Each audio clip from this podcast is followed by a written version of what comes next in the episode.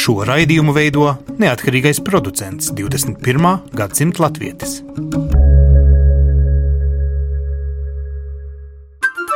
Lai kur mēs būtu, Lai kur mēs būtu, Lai kur mēs būtu, Lai kur mēs būtu, Tie esam mēs. tie esam mēs. mēs. Tie esam mēs. Mēs. Tas ir par mums. Tas ir par mums. tas ir par mums. Sveicināti raidījumā 21. gadsimta latvieši. Šodien runāsim par to, cik ļoti pazudušo dēlu vai kaut kur uh, pasaules jūrās jaunu pieredzi gūstošo varētu pieneglot Latvijai ar vārdu sāc biznesu šeit. Ja jau pie mums ir krituši nodokļi un ir vajadzīgs jauns darba spēks, turklāt vēl ar pievienoto vērtību, nevis tas parastais, tad visdrīzāk arī reemigrācijas ideja var tikt skatīta caur šo prizmu. Sāksim ar uh, Zanes Gustas piemēru. Viņa saimnieko Liepājas pusē.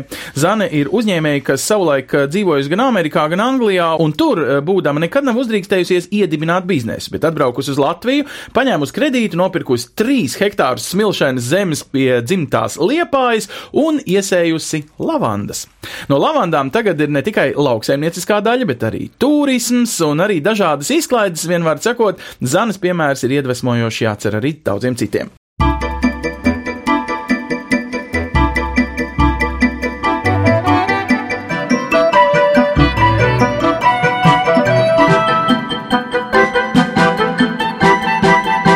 Esam mēs. Tas, kas man pamudināja doties prom no Latvijas, bija tas, ka uh, tieši bija sākusies krīze arī, nu, jau, jau gatavojās, jau bija pirmās sekas jūtamas, un uh, valstī valdīja tāds diezgan uh, liels uh, depresīvs, nu, noskaņojums, uh, un uh, līdz ar to tad es nolēmu doties laimes meklējumos, un tad es sprīdīts, un tad uh, aizbraucot tur, saprotot to, ka uh, tur nemazam nav tik labi, kā dzird no apkārtējiem, tad dabūju to dzīves pieredzi, tad braucu atpakaļ, paņēmu visu to labāko un šeit izmantoju tās iegūtās zināšanas. Tur dzīvojot, uh, nevienā brīdī man nelikās, uh, kad es uh, varētu būt pat uzņēmēja, kad es varētu pati būt darba devēja, un uh, ta, arī tas, ka uh, man uh, nebija pat informācijas, kādā veidā, kādā kārtībā notiek uzņēmuma uh, reģistrēšana kaut vai. Es arī par to neinteresējos, jo man tas tajā brīdī nebija aktuāli, bet atbraucot šeit uh, uz Latviju, jau kad bija nu, plašāks tas uh, skatījums, tad es vienkārši skatījos šeit, kā, nu, tās iegūtās zināšanas ārzemēs, kā es šeit varu viņus, kā ievies šeit. Kas bija šīs zināšanas, tās prasmes, ko jūs atvedāt uz Latviju un ko jūs ieguvāt ārpus Latvijas dzīvojot? Internacionālā pieredze, kad ar dažādu valstu cilvēkiem gan kontaktējoties, tas cilvēciskais faktors, vēl viens arī tā pieredze, ka tas pasaules skatījums var lietas dažādot, nevis ražot tikai standarta produktus. Tas ir tas lielākais ieguvums. Manam vīram bija zeme, ko viņš pats iegādājās, arī nebija dabūjis ne mantojumā, nekur, bet pats uh, iegādājās, un uh, bija tikai trīs hektāri. Un uh, tā zemīte, kur mēs, uh, nu, saimniekojam, ir ļoti, ļoti uh, neauglīga, nu, nu, nu, nepateicīga vispār, nu, vi, gan visām kultūrām. Un es sāku skatīties dažādas risinājumus, ko mēs varētu stādīt, nu, mazos apjomos, lai arī būtu produktīvi, un tad izvēlējos tieši lavandu, jo mums, nu, tā zemīte ir ļoti smilšaina, un lavandai tas tā kā tā patīk viņai tur augt. Sākumā pat strādāju, arī algo darbu, un, bet tad es vienkārši sāku arī paralēli audzēt tās lavandas un sapratu, ka kāpēc man ir, nu, visu savu enerģiju jāiegūt citu uzņēmēju darbības attīstībā, ja es pati varētu uzsākt uh, attīstīt savu ideju, un tad, nu, tas no tāda hobija izaug par tādu dzīves stilu uzņēmumu. Sākumā nebija tiešām tā doma, o, es atbraukšu no dibināšu uzņēmumu, jo sākumā jau arī bija ļoti sarežģīti ar to, kad uh, tā kā es vairākus gadus biju prom ārzemēs, atbraucot šeit, nu man nebija vispār ne jausmas, ar ko vispār ir jāsāk, ja es gribu kļūt par uzņēmēju, un līdz ar to es ļoti daudz informāciju ieguvu no internetu resursiem braukāju par dažādiem semināriem, ļoti daudz laika veltīju tam, lai vispār izprastu, kāda ir Latvijā tā, nu, sistēma, lai kļūtu par uzņēmēju un, un, un kur uh, dabūt kontaktus, un kas nebija nemazam īs process. Tas galvenokārt tas viss tika balstīts tikai uz zināšanām, nu, kad ir jāiegūst zināšanas, jo Es domāju, ja man būtu piešķirta nauda pirmajā dienā, kopš es atbraucu no ārzemēm, nekas tam līdzīgs nebūtu izveidojies, jo man nebija šī zināšana bagāža apakšā tieši kā Latvijā ir jāveido uzņēmums. Un, ja es būtu jā, izveidojis uzņēmumu, es domāju, ka viņš būtu ātri vieni, negribētu tā teikt, bet nu bankrutējis, jo uzņēmumu jau vēl varbūt ir viegli izveidot, bet viņam ir arī jāuztur. Pat uh, mūsu uzņēmējiem pat uh, bieži vien nav saprašanas, kur vēl uh, latviešiem un it sevišķi esot projām vairākus gadus, ka to es ār, ārā vispār no tās Latvijas sistēmas, kad ir varbūt nedaudz izpratnē no mēdījiem, no populārākajiem, kas vispār valstī notiek, bet, nu, dzīvojot ārzemēs jau neiedziļinās, kāda ir tieši nodokļu politika, kā ir jāreģistrē uzņēmums un, un, un, un bieži vien ir arī, ja kāds parastais iedzīvotājs grib tā kā uzzināt šo informāciju, ejot dažādās valsts mājaslapās, šī informācija ir ļoti sarežģīti uzrakstīt, un viņi nevienmēr ir saprotami, un, un, un, un bieži vien arī pat tiešās tikšanas laikā, kad aiziet uz uh, kādu valsts iestādi, pat tad nav saprotams, uh, ko no tevīm gaida. Es domāju, vispirms ir jāpadomā par to mūsu tautiešu uzrunāšanu dažādos veidos, nevis tikai uh, dažādās kopienās, bet arī uh, savādākos veidos. Tad uh, otrs tas uh, piedāvājums droši vien būtu vispirms nu, informēt, kāda ir tā situācija, ir pieejami tie foni, ko apgūt, un, un, un droši vien sniegt uh, vienkāršāk skaidrojošo informāciju. Ir ļoti, manuprāt, nepareizi izdalīt latviešus, kur dzīvo ārzemēs, un latviešu, kur dzīvo šeit. Nu, man liekas, ka tiem noteikumiem būtu jābūt vienādiem pret visiem. Un te raidījumā turpināsim ar ekspertu viedokli. E, Gunts Glatkins ir e, ne tikai Vidzemes partijas vadītājs, bet e, pirmkārt, nu jau daudz gadus Rūjienas pilsētas mērs. Un, Gunti, jums aiz muguras pirms kļuvāt par mēru ir biznesmeņa pieredze. Kas jūs esat, kurā nozarē esat strādājis? Bet vienmēr Latvijā, es saprotu, ja?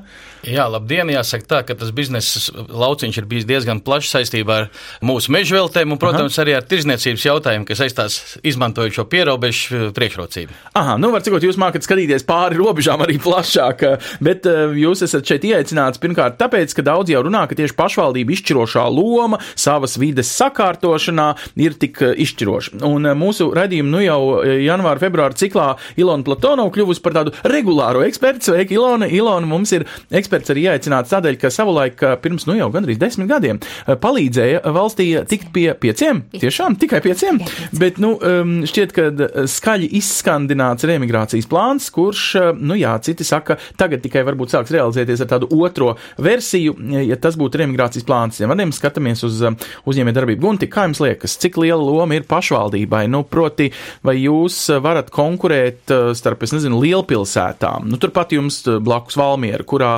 trūks darba vietu, ir pietiekami daudz darbinieku, kas gribētu pie viņiem strādāt. Rūjienu var ielikt šajā kontekstā? Es domāju, ka eh, Rūjienā pat ir lielāks priekšrocības. Kāpēc? Jo mazpilsēta vai mazie novadi ir ar to, ka viņi ir ģimeniskāki, un mēs viens otru sejā pazīstam, un arī visas lietas pārzinām un kontrolējam attiecībā, par ko mēs šodien arī diskutējam. Tas ir par piesaisti cilvēki, kas ir atgriezušies un mēģinās iesaistīties kādā no biznesa jomām. Ja. Tad pašvaldība dos šo priekšrocību un meklēs iespēju viņam to.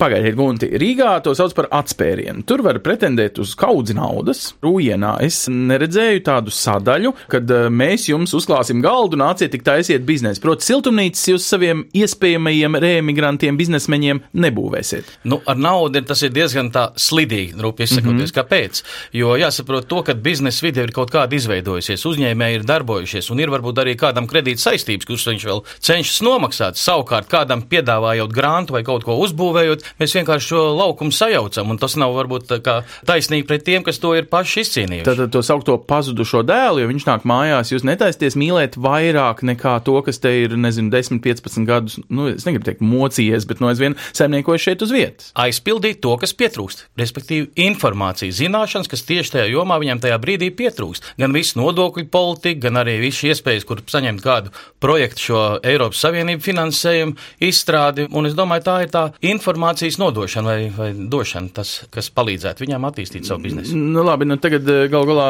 šeit ekonomikas zinātņu doktorante tikai, jā, Ilona, nu, cik mēs eh, drīkstam tiešām no ekonomikas viedokļa piesubsidēt to, lai taču viņš atbrauc mājās, lai taču sāk biznesu, lai taču viņam veic uzticās, nu tad viņš iesakņosies, tad viņš vairs nekur citur neaizbrauks. Pirmkārt, grāmatu došana negarantēs to, ka šis cilvēks iesakņosies. Mums ir ļoti daudz atbalsta programmu, kurās mēs jau esam šo izmēģinājuši krustām šķērsām, jo īpaši zemkopības ministrijas nelauksaimnieciskās uzņēmējdarbības veicināšanai laukos. Līdz pat 75% līdzfinansējums, kas liekas gandrīz nereāls. Tātad liels grantu līdzfinansējums, kas ļoti retos gadījumos tiešām ir radījis uzņēmējdarbību. Uzņēmējdarbība ir spēja regulāri radīt jaunu naudu klāt. Tātad, ka šis cilvēks nevis gaida nākamo projektu, bet ka viņam pateicoties šīm iedotajai naudai, ir iespēja tagad katru mēnesi, katru gadu regulāri nopelnīt. Nevienmēr tas beidzas ar to. Tas bieži vien beidzas to, ka viņi nopērk kādu iekārtu, kur viņi darbina divas vai četras nedēļas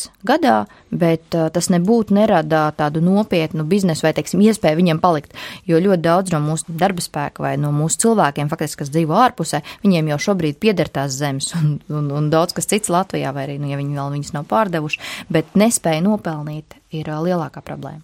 Tāpēc man ļoti simpatizē Rujienas mēra viedoklis, ka nevajadzētu sabojāt esošo uzņēmējdarbības vidi. Piemēram, ja jums ir vairākas kafejnīcas, kas jau strādā, tagad atnāk vēl viens cilvēks un tagad taisīs vēl vienu jaunu kafejnīcu. Ja to turistu vēl aizvien nav tik daudz, tad izkonkurēs vietējās un faktiski aizies uz burbuli viens cits un būs spiests aizbraukt projām. Nu, tas nav labākais risinājums. Tāpēc ir ļoti labi, ja pašvaldība skatās uz to, kas trūkst vai kas būtu papildinoši, jo ja ja mēs skatāmies uz tā saucamajiem biznesu šeit ar augstu pievienoto vērtību, tad es redzētu to tā, ka cilvēks, kurš šobrīd dzīvo ārzemēs, kuram ir sava niša, kurā viņš ir profesionāls, un viņš ir spējīgs šo savu klientu apkalpot no Latvijas. Tad viņš atgriežas atpakaļ Latvijā, meklējot jau, kā viņš to sniegs. Man ir pazīstami cilvēki, kas, piemēram, strādājuši medikamentu biznesā, kuri ir vairākus piemēram, gadus piecus nostrādājuši Lielbritānijā, atgriezušies atpakaļ Latvijā jau ar sešciparu līgumu mm -hmm. no, Liel, pret, no Lielbritānijas kompānijas un veic šo pašu pakalpojumu. Tā ir ideāla domāšana, ka biznesmenis, kurš to jau dara viņš kā biznesmenis, tur, bet mēs viņš laikam. Darbinieks tur. Šeit viņš vienkārši to dara kā ārpakalpojumu. Jo tas biznesa veids, ka tu nevis taisi jau biznesu, bet, piemēram, sniedz konkrētus pakalpojumus. Tu intervē mediķus, nodrošini, ka ir kaut kādas farmācijas pētījumi vai, vai analizē kaut kādus dokumentus. Šāda tipa darbi ir iespējams veikt gan esot uz vietas Lielbritānijā, gan arī dzīvojot uz vietas Latvijā. Nu. Varbūt aizbraucot uz šo Lielbritāniju reizi vai divas reizes mēnesī. Un tad šī pievienotā vērtība ir pilnīgi cita, jo es runāju par to, ka viens cilvēks atved atpakaļ sešciparu līgumu uz gadu. Nu, tas pilnīgi, kas viņš jau nu, izkrīt nu, labi, no mikro. Paskamies tā realistiski šai romantiskajai daļai, ka tā nu brauks atpakaļ un tā nu putnu dziesmas klausīsies dzimtenē, bet reāli caur internetu strādās un pelnīs lielo rubli, nu teiksim, Anglijā. Gunti, cik jums ir liels novads šobrīd? Novadā ir apmēram 5,3 tūkstoši. Jā, un es zinu, ka viņš ir gandrīz 150 km no Rīgas, un mēs varētu arī teikt 100 km no Tērbatas, vai ne? Jā. Mēs varētu teikt arī, nu, nezinu, 50 km mazāk bišķi no Valmieras. Nu, tātad jūs esat kaut kādā notikumu virpulī, vai jūs varat šajā globālajā latviešu biznesa rietumos ķēdē, bet lieliskajā, tīrajā, ekoloģiskajā vidē Rujienā piedāvāt šo, nu, mušpapīru tam globālajam latvietim? Jāsaka tā, ka tā jau nav nekāda mala Rujiena attiecībā nu, par novadu, jo būtībā pieminētie 100 km rādījus tas ir viss pērnau startu. Tā ir Igaunijas puse un Cēsis, Valmiera un līdz Valkai tā ir tāda mūsu tā apkalpa zona, kurā mēs arī darbojamies, un to arī izmanto lieliskie dzīvotāji, un arī jebkurš izvēloties Valmieru kā darba vietu, izmanto Rūjienu kā dzīvesvietu. Labi, bet šeit... kā ir ar Rūjienu kā dzīvesvietu, bet darba vieta Londonā? Vai tas ir tā reāli, ja tur savukārt ir jāmēra, es nezinu, attālums līdz lidostai, jo interneta ātrums Rūjienā es šos ar pārbaudīju ir lielisks. Tad tādi piemēri mums nav patreiz, bet tādas iespējas noteikti ir.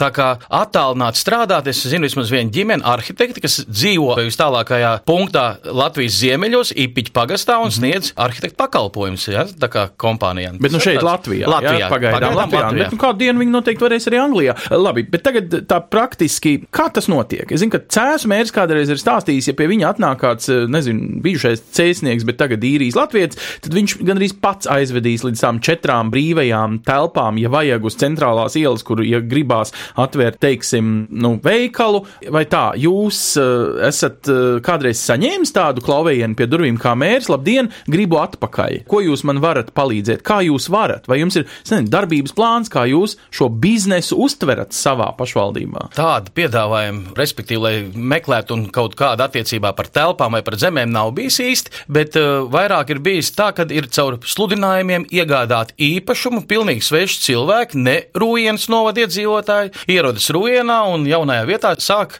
šo savu biznesu. Un pārsvarā tā ir lauksaimniecība, tās ir mazās saimniecības, tie nav tie simti un tūkstoši hektāri. Bet cilvēki, kas atgriežas no ārzemēm? No ārzemēm, jā. Aha. Tāda piemēra mums ir, jā. Un uh, tas viņu štuks ir kāds, viņi iegūst kaut kādu uzdrīkstēšanos un to ieliek tajā savā no nulles būvētajā lauksaimniecībā. Es domāju, ka tā ir tā pieredze, ko viņi ir apguvuši konkrēti strādājot šajā valstī, no kuras viņi mēģina tagad šo biznesu pārcelt uz Latviju. Viņi ir redzējuši, ka ar to var nopelnīt.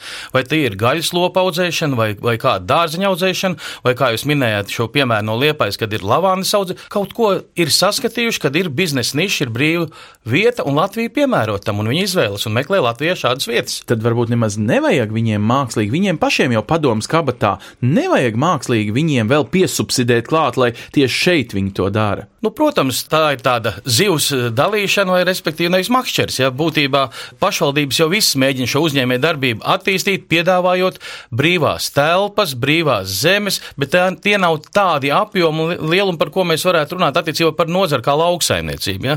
ja mēs runājam par telpām, tad es domāju, ka labas telpas jau arī nav brīvas, lai viņas varētu izmantot jebkurš, kas gribētu kādu biznesu sākt attiecībā ar ārpakalpojumu uz citām valstīm. Ja? Labi, nu, bet kā ir? Nu, lauksaimniecība tāpat ir diezgan piedodiet, pārsubsidēta nozare Eiropas Savienībā kontekstā. Ir pieejami dažādi atbalsta mehānismi, vai uz lauksimzību mums ir jāpriecājas, ka katra viena ģimene, kas atbrauc atpakaļ, vai jābēdājas, ka tā nav tā augsts pievienots vērtības, modernās tehnoloģijas, nu visas šīs lietas. Es viennozīmīgi priecājos. Es arī zinu vairākas ģimenes, kas ir atgriežušās tieši tāpat puķkāpos, audzēt dažādas citus.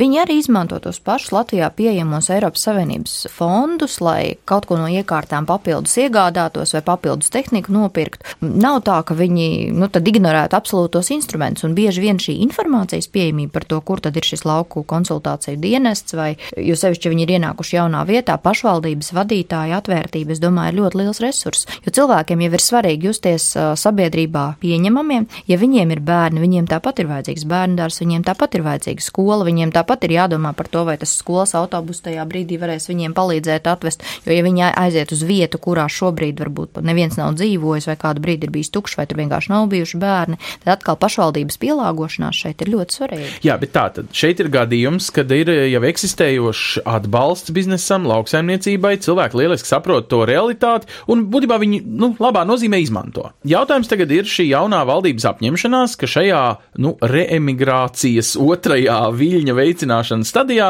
mēs pat varētu šogad nu, tādus grantus padalīt šiem atpakaļ braucošajiem cilvēkiem. Nu, jūs ievelkat uzreiz elpu un sakat, lieliski vai tieši nevajag? Es pasmaidīšu un teikšu, burkāns reizēm noder, varbūt kāds pievērsīs tam uzmanību, jo es atgādinātu, ka tepat Rīgā ir grantu programma atspēriens, kurā kāds 5000 arī uzņēmums var dabūt pakalpojumu veidā. Tieši tāpat uh, ir līderu programma zemkopības ministrijai, kuras arī lauku teritorijās atļauj, varbūt tur nav grants, tur, teiksim, ir daļa no izmaksām. Arī šobrīd pašvaldības daudzas rīko biznesa plānu konkursus, kuros dāvina tūkstoti, divus tūkstošus eiro, kā kurā gadījumā. Tā tad nav tā, ka šobrīd šādu instrumentu nebūtu Latvijas uzņēmējiem pieejami. Nekādus brīnumus viņi nav radījuši, un es domāju, ka arī šie 9000 nekādus sevišķos brīnumus neradīs. Bet viņš ļaus vismaz pateikt, ka ir vēl kāds instruments, kas mums ir tieši paredzēts, ka arī šī sabiedrības daļa mums ir svarīga. Jo tajā brīdī, kad šis cilvēks uzņēmēja darbību nav sācis,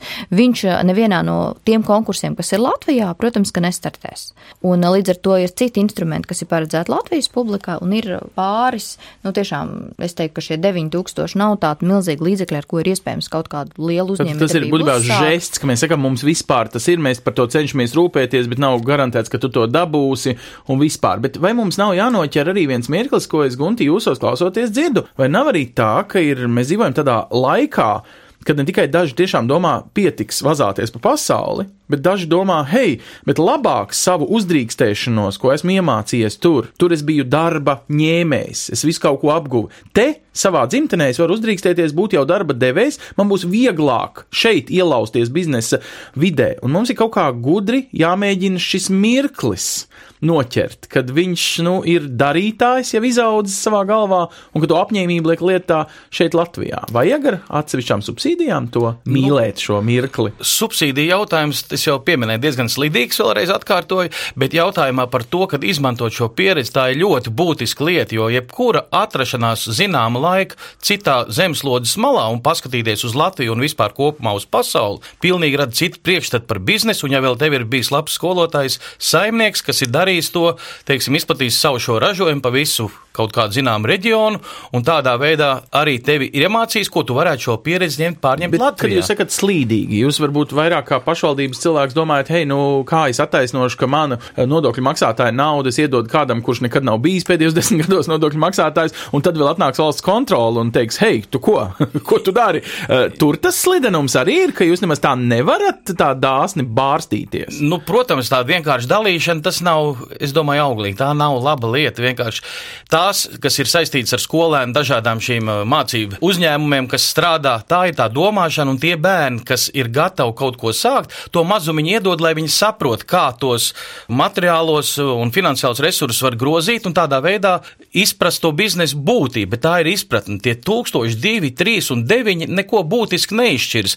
Tie var vairāk vai lielākā mērā būt, kā mēs pieminējam, stimuls, lai ka mēs esam pretīm nākoši, ka mēs esam gatavi jūs ar kaut ko atbalstīt, un savukārt jāskatās ir tās nozars, kur mēs atbalstam, lai mēs nesabojātu to vidi iekšējo jau esošo. Nu, pasakiet, ja valdība šobrīd uh, lemj un dažreiz pat nevar tik ātri nogriezt, uh, mēģina vēl tielēties, kurai profesijai pielēmt īpašu labvēlību, nu šai augstas pievienotas vērtības profesijai, visi vārti vaļā un uh, visiem laukstrādniekiem un tādām vienkāršiem darbām, principā vārti vēl aizvien ir ciet. Bet šie latvieši, kas ir aizbraukuši, ir sākotnēji sākuši ar vienkāršiem darbiem. Protams, daudz no viņiem ir izauguši, un tomēr vai mēs šādā veidā arī daļēji domāšanā neaiztaisam patiesībā pusi no durvīm atkal ciet, tikai sakam, ka mūsu remigrācija nāk, ka mēs gribam tikai šos biznesmeņus un laba darba, augstvērtīga darba darītājus atpakaļ. Nu, tur tā lieta, ka tie augstu darba darītāji bet vai ar pievienot augstu vērtību, nu, tās nav tās nozares, kas būtībā uz šādu aicinājumu arī atsauksies. Mm.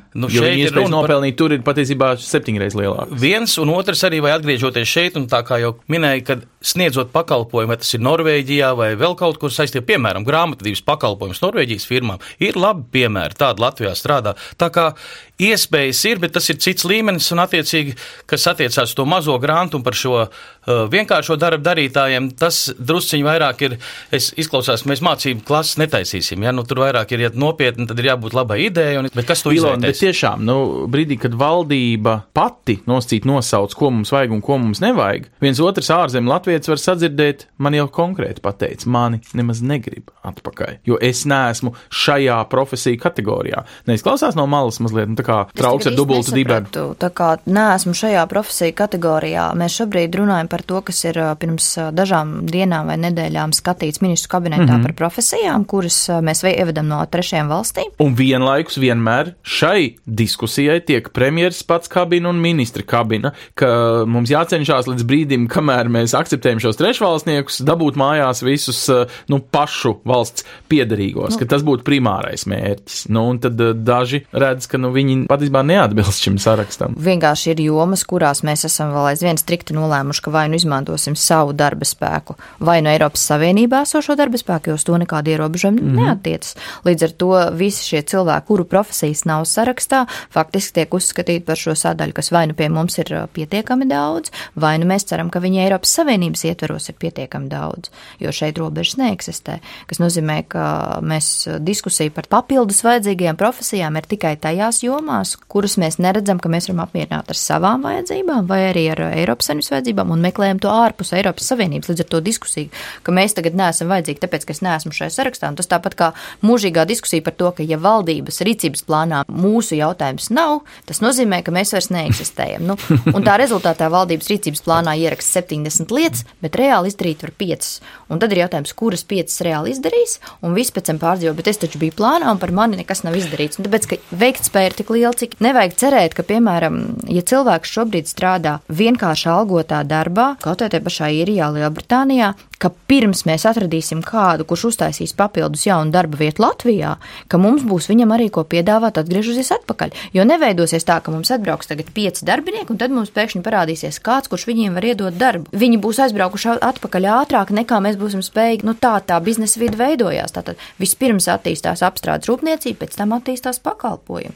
Un šai apstrādes rūpniecībai bieži vien pēc tam ir vajadzīga auklīte, pēc tam ir vajadzīgs grāmatvedis, pēc tam ir vajadzīgs varbūt vēl kāds papildus pedagogs tajā konkrētajā teritorijā. Nu, savādāk tas nenotiek. Līdz ar to tā attīstība var notikt tikai organiski augot. Labi, organiski augot, tā ir laba lieta. Aug arī algas. Arī daži runā, ka organiski mums sola, ka Rīgā 1000 eiro alga ap tā ap maiju, nu varbūt ap jāņiem, būšot normāla realitāte. Šis bija emocionāls tāds mirklis, kurā, nu, ja mums būtu 1000 latu alga, mēs sen jau nedzīvotu Anglijā, bet atpakaļ Latvijā. Teica daudzi tiesa gan darba ņēmēji, nevis darba devēji. Kā jums pēc emocijām liekas? Nu, pirmkārt, Gunte, salīdzināsim, vai tas, ko cer Rīgā sagaidīt ap maiju, būs arī Rujienā?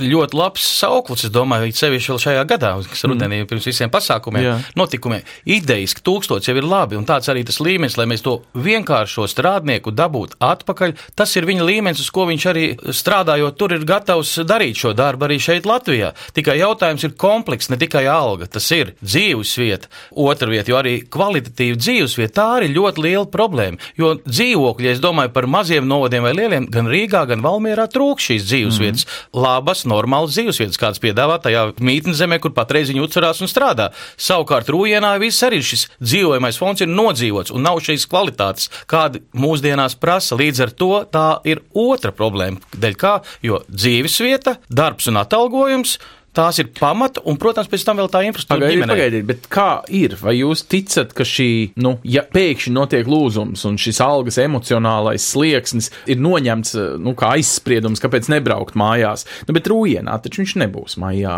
tūkstots vidēji. Nu, jāsaka tā, ka arī minimālās algas celšana atstāja seks reģionos un attālajos novados. Kāpēc? Tas lauku veikals nu, mēģina veģetēt uz saviem ienākumiem, cik vēl ir palikuši tie iedzīvotāji un cik ir viņi lieli, un pieliekot šo minimālo algu, to uzņēmēju, vai kas ir atvērts šo veikalu, drusciņi dzen strupceļā. Un tad ir vai nu cenu lēciens, kur iedzīvotāji nesaprot, ka vietējā mazā lauka veikaliņā ir dārgāk nekā kaut kur mm -hmm. attālajā lielveikalā, un, protams, arī atalgojums tai pārdevējai, ja nebūs ne tuvu, vai, vai arī slodzi. Ja, ja kaut kas uzņēmējiem būs jāmēģina radošāk pieiet un jāsamazina darba laiku vai vēl kādas lietas. Tad, tad ja? jūs maz ticat, ka šis emocionālais, nu, ārzemju latviešu pašu noteiktais slieksnis savu laiku pirmkārt nostrādās, un otrkārt, ka viņš nozīmē visai Latvijai. Viņš labākā gadījumā nozīmē Rīgas centram. Jā, ir spiesti uzņēmēji to darīt. Es pieminēju minimālo, bet mm. to mhm. uzsaukumu par 1000 eiro notiek jau. Tas ir konkurence jau uzņēmēju starpā, kur notiek pie vienādām nozarēm. Kaut vai, piemēram, meža strāde. Ja? Nu, tur ir spiest maksāt, jo trūkst jau gan meža strādē, kas iet cilvēki, kaut gan arī šeit paliek mazāk cilvēku, bet tajā pašā kokapstrādē, kas ir kādi tie gateri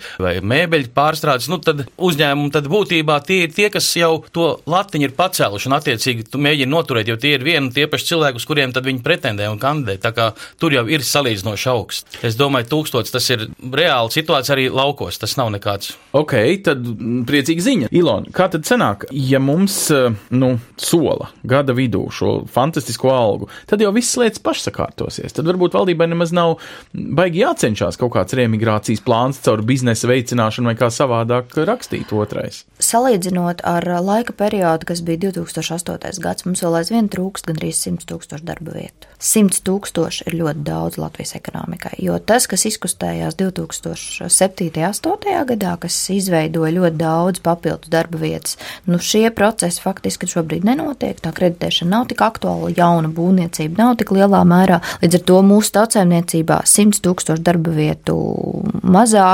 Tas nozīmē, ka 100 tūkstoši cilvēkiem īsti darīt šeit vēl aizvien nav ko. Lai arī tā vidēja alga ir kāpusi, bet viņa ir kāpusi vairāk uz, uz to, ka esošajām darba vietām šī produktivitāte ir augusi. Bet šīs papildus jaunās darba vietas nemaz tik daudz neveidojas, tāpēc mums ir svarīgi jauni uzņēmumi, tāpēc mums ir svarīgi jauna uzņēmējdarbība, jo Tradicionālajās nozarēs darba vietu skaits samazinās. Banku sektors regulāri samazina darba vietu skaitu, jo viņi daudz ko automatizē, viņi daudz ko organizē savādāk. Daudz būs pamanījuši, ka ļoti daudz bankas ir samazinājuši filiāļu skaitu, ir samazinājušās filiāls arī daudziem citiem dažādiem, nezinu, nekustamo īpašumu mm. tirgotāji, kas bija vesela milzīga nozara ar tūkstošiem ļoti labi apmaksātu darba spēku. Šo cilvēku šobrīd mums vairs nevajag tik daudz. Līdz ar to šīs darba vietas nav tā arī parādījušās. Pagaidī, tā, tas, ko jūs man sakat, šī raidījuma secinājuma daļā ir, ja tev ir sava biznesa ideja, brauc, mēģini, šeit ir diezgan daudz pieejami līdzekļi. Ja tu esi tikai darba ņēmējs, principā, nu tā īsti, nu, ja vien tev nav ļoti specifiska profesija, tu nemaz te tā nevar ielausties. Ja ir labas prasmes, darbinieku šobrīd vajag ne jau vēl uz ministru kabinetu iet uzņēmumu un saka, mums vajag, bet šis darbs ir jāmeklē un ar darba devējiem ir jārunā, jo Latvijā, tāpat kā daudzās citās valstīs, ir gan ļoti labi darba devēji, kur ļoti rūpējas par saviem darbiniekiem, gan arī darba devēji, kas nebūtu ne, ne tik ļoti rūpējas par saviem darbiniekiem, kur atļaujas neizmaksāt algas daļēji, kur nesamaksā visus nodokļus un tam līdzīgi. Līdz ar to, ja cilvēks aktīvi šobrīd meklē ļoti daudzās profesijās, ir iespējas ir iespējas dabūt gan atalgojumu, bet, bet tās darba vietas jau neparādās tā, ka tev tagad viņi stāvētu divus gadus vakanti. Tas nozīmē, ka tev ir gada gaitā visu laiku jāmeklē, jāpiesakās, jārunā, jāskatās, un tad varētu parādīties kaut kāds piedāvājums. Bet jautājums ir, vai ārzemju latviečs varbūt ir labāks darbinieks? Viņš ir pieradis, nezinu, ražīgāk strādāt, teorētiski rietumos esot ražīgāki uzņēmumi nekā Latvijā mums efektivitāte esot švaka un kā. Varbūt, ka ir jādomā, nu, ka darba devējam tagad, kad nu, jau sāk trūkt darbinieku, ir jāpiestrādā un jāliek sludinājums meklēju latvieti no īrijas priekš savu uzņēmumu, nu, pieņemsim, Rujienā, tāpēc, ka, nu, man vajag tieši viņu, jo viņš tur ir labāk trenēts, un tad noregulēsies arī, cik viņam, kā teikt, maksās, jo viņš prasīs vairāk, bet būs jēga, viņš būs efektīvāks darbinieks. To ir, es domāju, noteikti pārliecinājušies tie, kas ir aizbraukuši, ka tās ir tiešām 8, 12 stundas, cik ir jāstrādā. Mums tā izpratne par aiziet uz darbu un nāk no darba. Un kafijas pauzīt pa vidu un, un, un pīpauzīti, vai ne? Tas pavisam ir cits stāsts izveidojis priekšstats par darbu kultūru un, un, un visām attiecībām vadītājs un darbinieks. Bet ko es gribēju piebilst par to atalgojumu 1000 eiro? Jā, uzņēmējiem tas ir smags sloks attiecībā par to nodokļu sloks. Nu, jā. Bet šeit ir, es domāju, tas valdības atbalsts plāns reģionālā politika vistiešākais. Tātad reģionos, lai nesamazinātos šīs, respektīvi darba devēji, lai viņi būtu konkurētspējīgi arī citur, tad tās algas varētu nodokļu nodokļu atlaižu jomā, tādā veidā šiem darbiniekiem to tūkstot arī sasniegt. Jā, bet tā ir Latvijas iekšpolitika. Tā jau nepalīdzēs, teiksim, ārzemju latvieti dabūt atpakaļ uz uh, dzimto rūjienu, vai ne? Strādāt, lai viņš saņemtu to tūkstots eiro. Tajā rūjienā, savā dzimtajā vietā, jo vēl būtisks faktors ir piederība šai valstī. Zināt valodu nav piederība valstī. Daļa.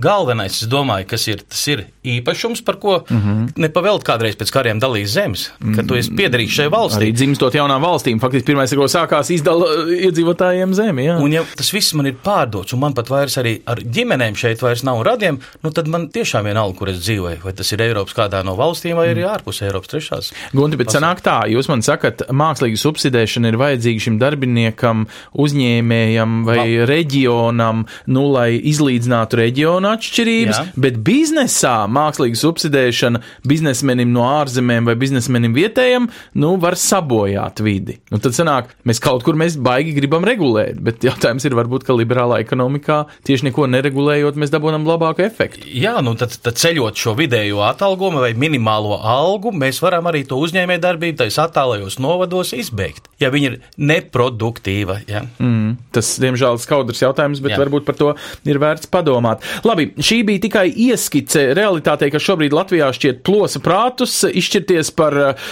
trešvalstniekiem vai pašu bijušajiem radiem draugiem, kaimiņiem kaimiņiem, kas tagad ar pieredzi dzīvo ārā no Latvijas un kā biznesa vide tajā varētu noreaģēt. Pagaidām gan tie stāsti ir nu, diezgan maz ārzemēs pieredzi guvušie, brauc uz Latviju un sāk tieši biznesu. Daži atbrauc eh, drīzāk kā darba ņēmēji vai nu, kādu citu iemeslu dēļ, bet uh, noteikti lietas var mainīties, un mēs redzījumā 21. gadsimta Latvijas turēsim roku uz pulsu un skatīsimies, kā tas notiek. Paldies Guntim Glatkinam, paldies Ilonai Platonovai. Mēs vienmēr atvadamies ar īsu ieskatu tajos notikumos, kas ārpus Latvijas latviešu komunās notiek, nu, piemēram, šajā nedēļas nogalē, lai kur mēs arī būtu. Uz redzēšanos tiekamies pēc nedēļas!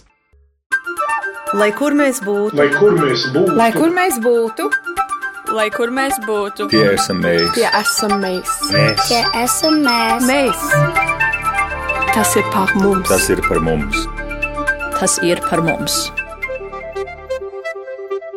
Šajā nedēļas nogalē Nīderlandes pilsētā Rozendālē norisinās Eiropas Latviešu apvienības Latvijas simtgadē rīkotie reģionālie kultūras svētki Vidus Eiropā. Svētkos piedalījās vairāk nekā 400 māksliniecisko kopu dalībnieki no Eiropas un aptuveni 100 viesi no Latvijas.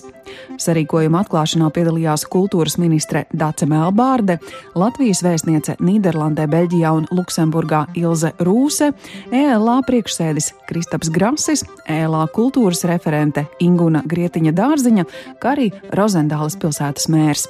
Pēc tam uzstājās vokālā grupā Latvijas Voices un mūziķis Žoržs Siksna. Savukārt sestdien, 24. februārī, koriem un deju kopām notika kopmēģinājumi, kam pēcāk sekoja koru koncerts. Turpretī šodien, 25. februārī, reģionālajos kultūras svētkos ir ģimeņu diena, notiek rokdarbnieku tirdziņš, dažādas meistarklases.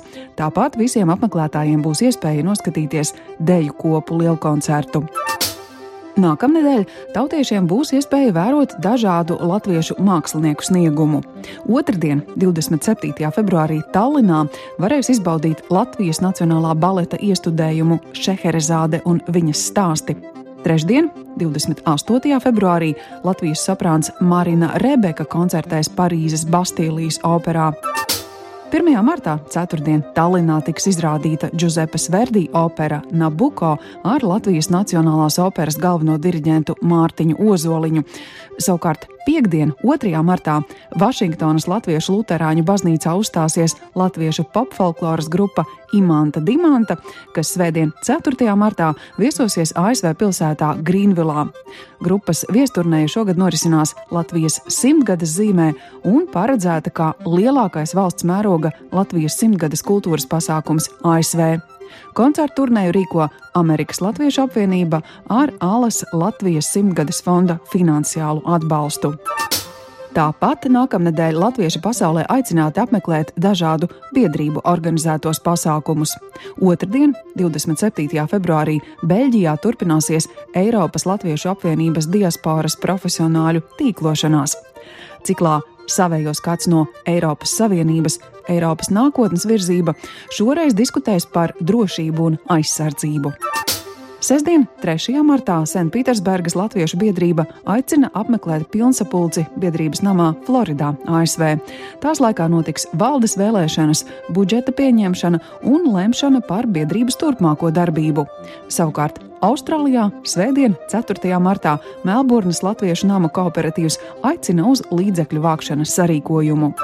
Plašāku informāciju par daudziem citiem gaidāmajiem notikumiem, kas saistoši visā pasaulē dzīvojošajiem latviešiem, meklējiet portālā latvieši.com notikumu sadaļā, 21. gadsimta latvietis Facebook lapā, kā arī daudzās, jo daudzās latviešu kopienu mājaslapās pasaulē. Raidījumu veido Ancis Bogustovs, Paula Gulbinska, Arta Skuja un mūsu ārzemju korespondenti. Raidījuma producents Lukas Rozītis.